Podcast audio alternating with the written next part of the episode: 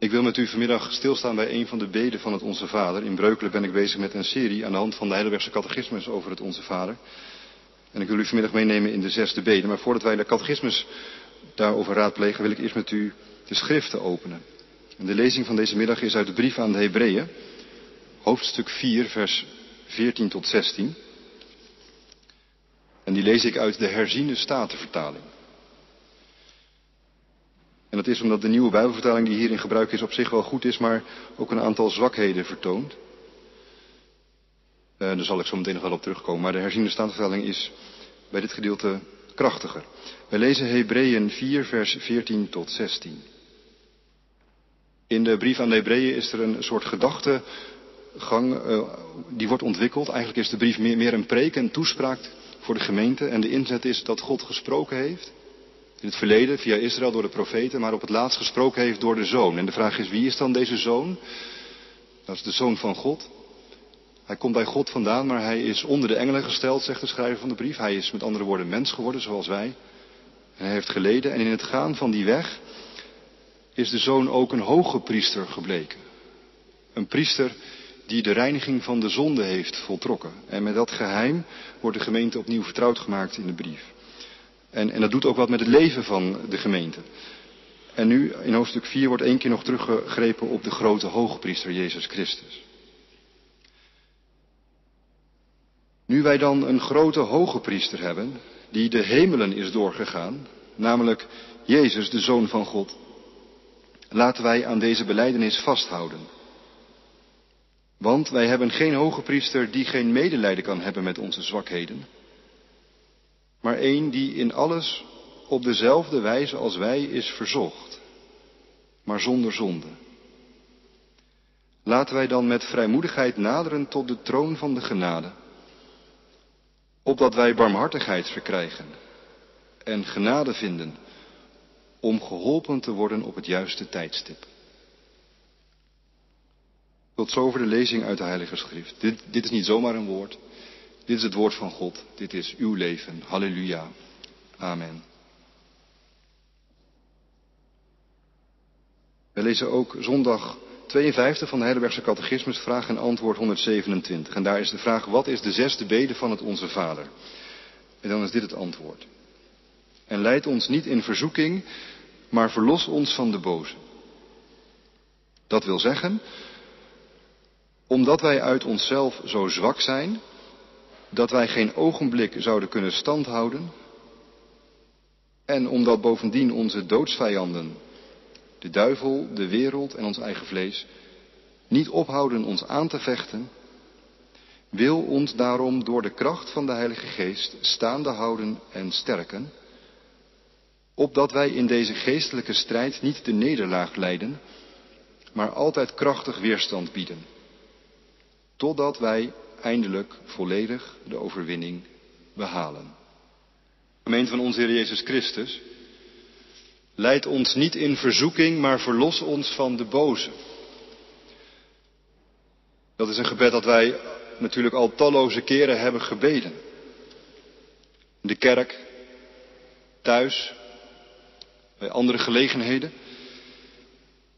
En het is niet alleen goed om zo'n gebed te bidden, maar ook heel hard nodig, denk ik. Al was het alleen maar omdat onze Heer, Jezus Christus, het ons geleerd heeft. Maar ik denk ook dat het nodig is om als christen staande te kunnen blijven. In deze wereld, in deze tijd. En toch kan het zomaar gebeuren dat wij dit gebed heel makkelijk gedachteloos bidden. Onbewust bijna, zo bekend als de woorden zijn, dat je niet meer verstaat wat ze nou eigenlijk willen zeggen. En daarom wil ik vanavond met u bij deze beden stilstaan. En, en ons afvragen, wat doen wij nu eigenlijk als wij aan onze Vader in de hemel vragen om ons niet in verzoeking te leiden, maar ons te verlossen van de boze? Nu, als wij ons dat afvragen, kunnen je gedachten natuurlijk heel makkelijk allerlei kanten opgaan. Bij verzoeking kunnen er allerlei gedachten in je hoofd opkomen. We hebben allemaal zo onze zwakheden. En toch dacht ik, we moeten even proberen te concentreren op, op het gebed zelf. Dat zeg ik nou niet om, om even het makkelijk te maken of zo. Onze eigen gedachten, de dingen van ons hart, moeten wij buitengewoon serieus nemen. Die zijn ook vaak heel reëel. En de schrijver van de Hebreeënbrief, maar ook de catechismus zijn er ook heel nuchter in. Dat wij mensen zwakheden hebben. Dat is niet populair om te zeggen. We zijn graag sterk. En ja, tegenwoordig wordt er dan wel weer gesproken over de kracht van kwetsbaarheid, maar dat is dan ook weer zo'n dingetje. Ik denk dat we daar veel nuchterder over moeten leren spreken. Ook met een soort ruggengraat, toch. Ik kom daar straks nog wel op terug. Maar in ieder geval, we laten ons eerst even concentreren op, op het Onze Vader, op wat Jezus ons daarmee wil leren bidden. Want het gaat om een realiteit die misschien nog wel veel groter is dan wat als allereerst in ons hoofd en ons hart opkomt. Iets daarvan kunnen we al op het spoor komen, denk ik, als wij een moment letten op de bede zelf. Leid ons niet in verzoeking, maar verlos ons van de boze. Je kunt je afvragen, is dat nou één bede of zijn het er twee? Lucas heeft in zijn evangelie alleen de eerste helft. Leid ons niet in verzoeking. Matthäus heeft het tweede deel er wel bij, maar verlos ons van de boze. Is dat dan een aanvulling, een aparte bede of eigenlijk een inhoudelijke variatie op het eerste? Nu, in de traditie is dit vaak uitgelegd als één gebed. Het is natuurlijk omdat Lucas niet incompleet kan zijn als hij het gebed van de Heer weergeeft. Maar ook meer inhoudelijk is het één gebed. Omdat hier sprake is van twee parallele zinsdelen. En dat kom je wel vaker in de Bijbel tegen. De psalmen, die staan daar vol van. En psalm 138, waar wij mee begonnen zijn, en, en die ook klinkt aan, elk, aan het begin van elke dienst, is ook zo'n parallelisme. Heer, uw trouw duurt tot in eeuwigheid. Laat het werk van uw handen niet los. Het zijn twee verschillende zinnen, maar ze leggen elkaar als het ware uit. De eeuwigdurende trouw van God betekent dat Hij het werk van zijn handen niet loslaat. En soms kom je zo'n parallele zin ook tegen in de vorm van een tegenspraak. Zoals in, in deze bede. En niet, leid ons niet, maar verlos ons. Zo zegt Jezus ook ergens in het Evangelie. Wees niet ongerust, maar vertrouw op God en op mij. Niet ongerust zijn betekent je vertrouwen stellen op God en op Jezus. En zo schrijft Paulus ook in de Romeinenbrief. U moet uzelf niet aanpassen aan deze wereld, maar uzelf veranderen door uw gezindheid te vernieuwen. Niet meedoen met het schema van deze wereld betekent dus je gezindheid vernieuwen. Twee delen leggen elkaar uit. Eerst wordt het negatief gezegd en dan wordt het positief herformuleerd. Zo is het ook in deze zesde bede. Leid ons niet in verzoeking, maar verlos ons van de boze. En zo komen er twee dingen tegenover elkaar te staan. Aan de ene kant de verzoeking en tegenover de verlossing. De verlossing is van God. En, en van, van God wordt gevraagd, leid ons daar niet in, maar verlos ons. De verlossing wordt van God verwacht. En de verzoeking die een mens kan overvallen, die heeft alles te maken met de boze. En die boze, die wordt door de catechismus ronduit de duivel genoemd. En als je het even tot je laat doordringen, dan, dan stelt dit gebed ons dus als het ware tegenover twee grootheden. Klinkt een beetje oneerbiedig als we dat zo zeggen ten opzichte van God. Alsof God een grootheid is. Dat is hij natuurlijk nooit. Hij is de levende. De heilige. En het is misschien wel te veel eer om dat ook van de duivel te zeggen dat hij een grootheid is.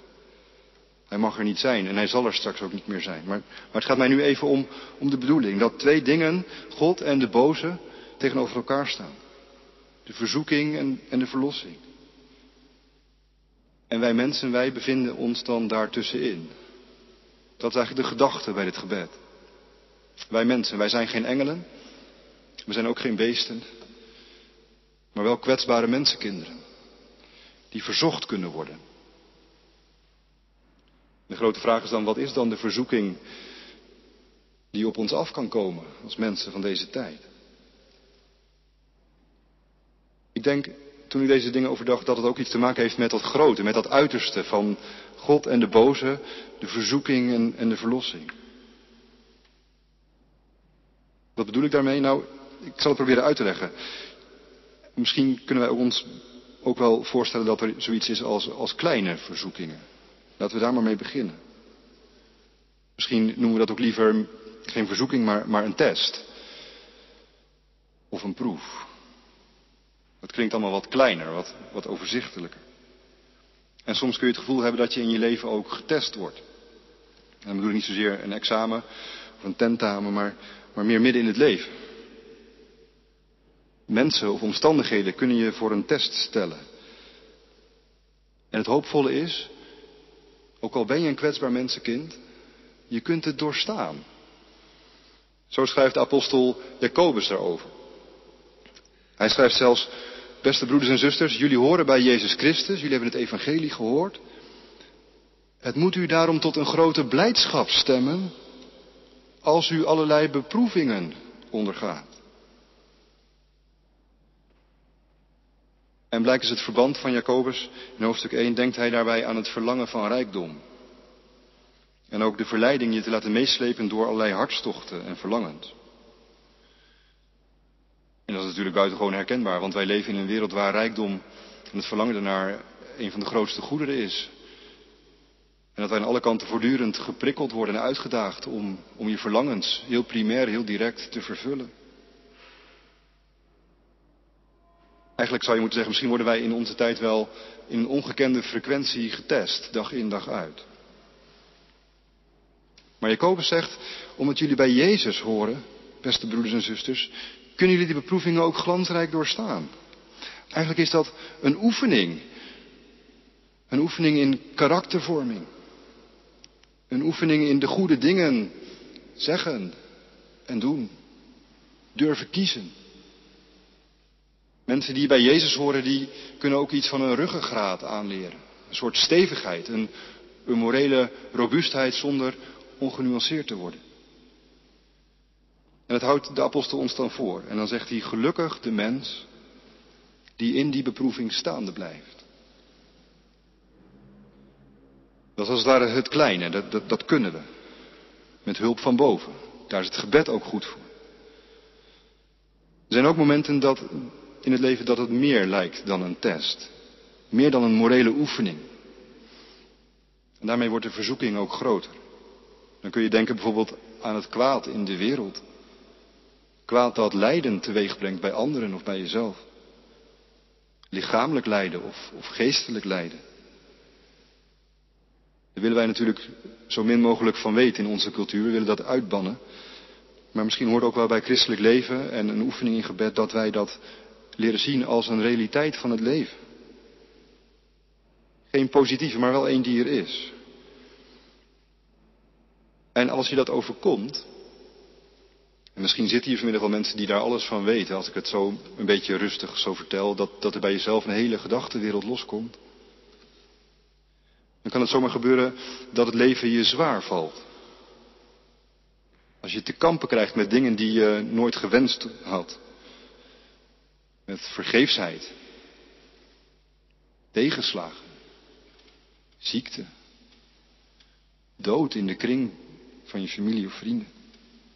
Allemaal van die dingen waarvan je hoopt dat ze jezelf en anderen bespaard blijven. Maar als ze onverhoopt toch op je pad komen, dan is dat zwaar, soms zelfs loodzwaar. En toch kun je in het christelijk leven, in het leven met God, al is het vaak achteraf, ontdekken dat je er toch staande in bent gebleven. Al weet je zelf helemaal niet hoe. Het kan gebeuren, zegt de catechismus, dat die wereld op je afkomt waar wij eenvoudig ingeklemd zitten tussen geboorte en dood en dat dat zwaar is. En dan zegt de schrijver van de Hebreeënbrief, vergeet op zulke momenten in je leven nou niet dat Jezus er is. Houd aan die belijdenis vast die je geleerd hebt van huis uit. Dat Jezus de grote hoge priester is. Hij is iemand die met onze zwakheden kan meevoelen. Zo staat het in de nieuwe Bijbelvertaling. Jezus kan met onze zwakheden meevoelen. Juist omdat hij zegt de nieuwe Bijbelvertaling dan net als wij in elk opzicht op de proef zijn gesteld. Je zou dus kunnen zeggen, Als het zwaar wordt in je leven, dan kun je rekenen op de sympathie van Jezus. Dat is het woord wat er staat. Er is iemand die aan je denkt. Hopelijk zijn er ook mensen om je heen die aan je denken en naar je omzien. Maar weet in ieder geval dat Jezus dat doet. Als we het zo zeggen, klinkt het toch een beetje, een beetje te makkelijk, te, te weinig, te soft ook. Sympathie in de betekenis van het woord, daar doet de HSV, de Zienestatenvertaling, meer recht aan. We hebben een hoge priester die kan meelijden. Sympathie is niet alleen maar een beetje meevoelen, hoe mooi dat soms ook kan zijn. Sympathie is medelijden. Zo is Jezus hoge priester. Hij is erbij in het lijden dat ons kan overkomen. Juist omdat hij op de proef is gesteld. Nee, sterker, omdat hij net als wij verzocht is geweest. Dat woord is wat er staat, verzocht, net als in de beden van het Onze Vader. En juist omdat Jezus daarin meegeleden heeft en ook verzocht is, in die gedachte dat je klem zit tussen geboorte en dood en dat je je geen raad meer weet met je bestaan, dat je wanhopig zoekt naar bestaansbevestiging, nou daar komt Jezus ons leven binnen als de hoge priester. En als je die Jezus toelaat, en dat is de ervaring van de gemeente, dat Jezus ons leven binnenkomt, dan kun je zelfs misschien met Paulus zeggen dat voor hen die God liefhebben, uiteindelijk alles moet meewerken ten goede. Dus ook die negatieve ervaringen. Dat je ontdekt, God is meer dan dat. En Hij is erbij. Laten wij daarom aan deze belijdenis vasthouden, zegt de schrijver van de brief. En dat mogen wij vanmiddag ook doen. Laten we ons daaraan vasthouden. En als het jezelf niet lukt om eraan vast te houden, weet dan dat je deel bent van een gemeente die dat wel voor jou doet. Daar bidden wij ook om met elkaar en voor elkaar. En toch, toch is er nog een grotere, andere, uiterste verzoeking. Waar volgens mij deze zesde bede van het Onze Vader ook op doelt. En die grootste, laatste, uiterste verzoeking, die kan zich, denk ik, aandienen in al die voorgaande kleinere tests en beproevingen. Maar het is toch iets anders. Ten diepste is het de verzoeking van de boze zelf. En daarover moeten wij duidelijk zijn, denk ik, gemeente. Want er is al genoeg verwarring. Dat is een verzoeking die niet van God komt. Niet van God, maar van de boze. Van de duivel, zegt de catechisme. En ook daarin is de apostel Jacobus heel duidelijk. Hij schrijft in hoofdstuk 1, God, God stelt niemand aan verleiding bloot. Zoals God zelf ook niet door iets slechts in verleiding kan worden gebracht. En als de apostel daar zo beslist over is, dan mogen en moeten wij dat denk ik ook zijn, gemeente. God is één en al goedheid. Hij verzoekt ons niet. In dat vertrouwen heeft ook Jezus zelf geleefd en geleden. In dat vertrouwen leert Jezus ons ook het Onze Vader bidden. Want waarom zouden wij tot onze Vader in de hemel bidden als Hij niet betrouwbaar zou zijn? Als Hij een spelletje met ons zou spelen?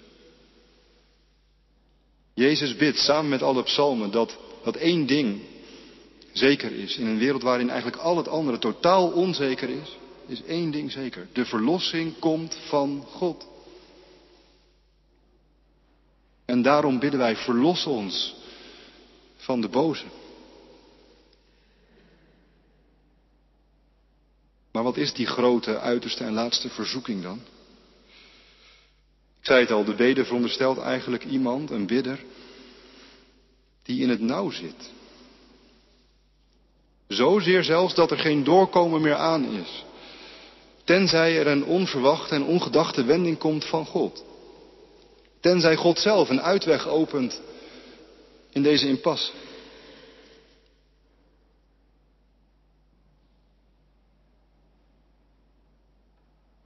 Misschien heb je zelf wel zo'n moment in je leven gehad of zit je er vlakbij voor je gevoel dat je vastzit. En dat je het idee hebt dat God weg is. En dat alles om je heen donker is. En dat het kwade, de boze zich aan je opdringt en aan ons. Het kan ook als je soms naar de wereld kijkt. Dat je je afvraagt, waar is onze goede God? Waar blijft de verlossing? Er is zoveel kwaad. Kampen die in brand staan. Mensen die onrecht doen aan elkaar. Waar is God? Het is een verzoeking waar Jezus zelf ook in verkeerd heeft. Op een veel intensere manier dan ons ooit, God zij dank, zal overkomen. In de hof van Gethsemane. In het evangelie lezen wij dat Jezus in de hof met een paar leerlingen gaat bidden. Op zoek naar de wil van zijn vader. Want hij heeft zelf en zijn leerlingen leren bidden, uw wil geschieden. En daar zoekt Jezus naar op het moment dat het donker wordt in zijn leven. En de verzoeking die op hem afkomt, is om de drinkbeker die hem aangereikt wordt voorbij te laten gaan. Om niet de weg van het lijden, het sterven en de verzoening te gaan. De verzoeking is om niet langer de wil van God te zoeken en niet te doen, maar het kruis uit de weg te gaan. De verzoeking is God in de steek te laten. Omdat Hij zo verborgen is. Omdat Zijn naam en Zijn wil en Zijn koninkrijk zo onzichtbaar zijn. Of misschien zelfs afwezig. Het is een verzoeking waar ook de leerlingen van de Heer Jezus aan zijn blootgesteld. Want terwijl Jezus zo in het gebed de wil van zijn vader zoekt om die te doen, slapen de discipelen. Een christen kan zich soms eenzaam voelen in zijn verzoeking. Dat het lijkt alsof er niemand is die naast je staat. Jezus weet er alles van. Zijn leerlingen, zijn, zijn vrienden laten hem in de steek. Ze slapen. En dan maakt Jezus hen wakker en zegt, waak dan en bid. Bid dat jullie niet in verzoeking komen. Daar heb je dat woord uit het Onze Vader. Waak en bid, opdat jullie niet in verzoeking komen. Dat is ook een mogelijkheid voor de gemeente, voor ons. In slaap dommelen. Dat is niet onschuldig. Want daaronder steekt afhaken. God in de steek laten. De kring van broeders en zusters in de steek laten. Dat is de verzoeking. God voor gezien houden. Dat is blijkbaar waar de boze op uit is. En dat is een uiterste. Maar hij probeert het op allerlei kleine en slinkse manieren. In de vroege kerk werd gedacht bij, bij deze verzoeking aan de vervolging van christenen. En ik denk ook dat het goed is dat wij, als wij deze beden bidden, niet alleen denken aan, onze eigen gemeente waar we bij horen, maar ook aan de broeders en zusters elders in de wereld die daadwerkelijk verzocht worden om Jezus in de steek te laten, omdat zij zijn naam niet openlijk mogen beleiden. Nu, nu wij, God zij dank, leven hier in een land waarin je alle vrijheid, je geloof kunt beleiden, wij worden niet vervolgd. Dankt u daar wel eens voor? En toch, in dit land, in deze wereld van talloze mogelijkheden, zijn er ook die mogelijkheden dat de boze ons geloof onderuit haalt. Ons geloof in God die onze Vader is. De catechismus noemt dat met een wat ouderwets woord aanvechting. Ons geloof kan aangevochten worden. Door twijfel. Door de dingen die spelen in je leven. Het doordraaien van de wereld waarvan je soms denkt, is er wel een zin? Gaat het nog ergens naartoe? De krimp van de kerk kan ook zo'n ding zijn. Waardoor je denkt, ik zie steeds meer broeders en zusters afhaken. Ik snap het eigenlijk ook wel. Wat, wat zoek ik daar nog in de kerk? Je geloof, je kerkgang, de woorden van de traditie die je van huis uit hebt meegekregen, ze kunnen sleets worden. En als je dat al te lang onachtzaam maar laat gebeuren, dan kan het zomaar gebeuren dat je, dat je God kwijt bent, God zelf. Want die woorden van onze traditie, die waren bedoeld om naar Hem te verwijzen, om van Hem te getuigen. En als je Hem er niet meer in herkent of vindt, dan kun je ook je geloof kwijtraken. En het kan verder gaan dan een kwestie van taal. Natuurlijk, we moeten het soms over hebben, kan het wat vlotter, wat sneller, wat hipper, want alles moet snel en hip. En dat is de oplossing, denk ik niet. We kunnen verzocht worden, juist ook in deze tijd. En de verzoeking weerstaan, dat kan dus ook. En dat heeft alles te maken met volhouden. Met volharden, met erbij blijven. Waarbij? Bij de club? Dat zal ons niet redden. Maar wel met de club, met je broeders en zusters. Erbij blijven dat God onze Vader is. Blijven bij zijn goede naam, die heilig is. Erbij blijven dat zijn rijk niet fermer is en dat zijn wil wordt gedaan, niet alleen in de hemel, maar ook op aarde. Het is bidden, op je knieën, met je hart. Leid ons niet in verzoeking, maar verlos ons van de boze. Even terzijde, niet onbelangrijk. Deze bede staat wel in het meervoud. Er staat niet, leid mij niet in verzoeking, maar verlos mij van de boze. Er staat ons. Ik wil er even op wijzen, want wij, wij, de traditie waar wij uit voortkomen heeft ook wel iets heel erg individualistisch, als het maar gaat om je eigen ziel. En er is heel vaak veel noodloze beklemming geweest in het geestelijk navelstaren. Maar hier staat dus ons. Verlos ons van de boze. Natuurlijk moet je bidden voor jezelf, maar denk ook vooral aan je broeders en zusters. We bidden voor elkaar. Het is een gebed voor de gemeente, voor, voor de kerk die in de wereld is. En die kerk is eigenlijk de gedachte achter deze beden. Die kerk zit eigenlijk voortdurend in het nauw. Die kerk dreigt voortdurend weer in slaap te vallen. Juist op de momenten dat het ertoe doet. De kerk lijkt op de discipelen die vluchten als het erom spant. En zo komen we bij wat de catechismus noemt dat in deze beden een geestelijk gevecht gaande is. Met andere woorden, een christen voert een gevecht op verschillende fronten. Het is niet alleen een gevecht in, in moraal, dat een christen een rechte rug heeft en, en, en het goede wil en doet.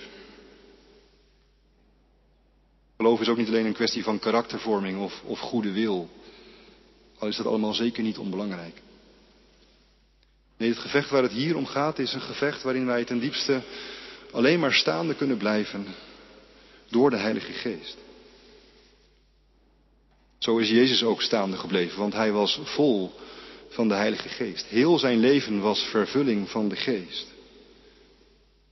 Nu moeten we niet denken dat vervulling van de geest dan een succesvol, blij leven is waarbij altijd de zon schijnt. Nee, vervulling van de geest betekent dus de weg van het lijden durven accepteren.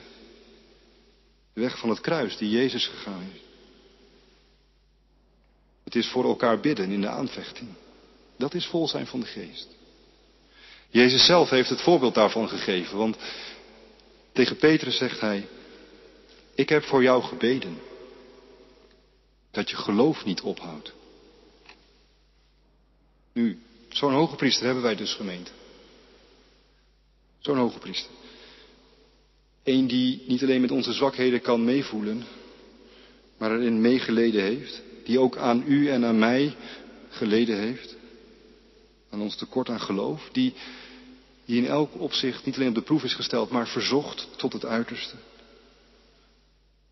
En hij is die ene uitzondering ten opzichte van ons, omdat, zegt de brievenschrijver, hij niet gezondigd heeft hierin.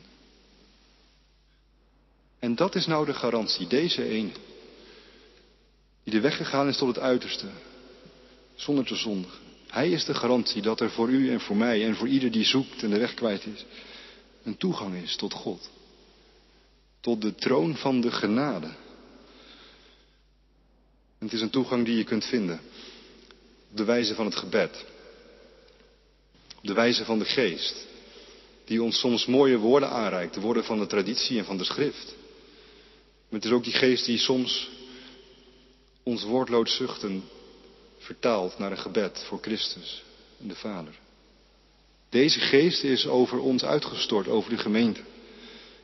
En dat is een realiteit, anders zou u hier niet zitten. Zonder de geest zou u hier echt niet zijn.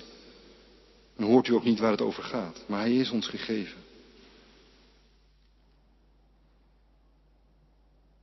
Leid ons niet in verzoeking, maar verlos ons van de boze. Opdat, opdat u en ik, opdat wij in deze geestelijke strijd niet de nederlaag leiden. Dat is de hoop. Maar altijd krachtig weerstand bieden. Opdat wij uiteindelijk de overwinning behalen. In Christus naam. Amen.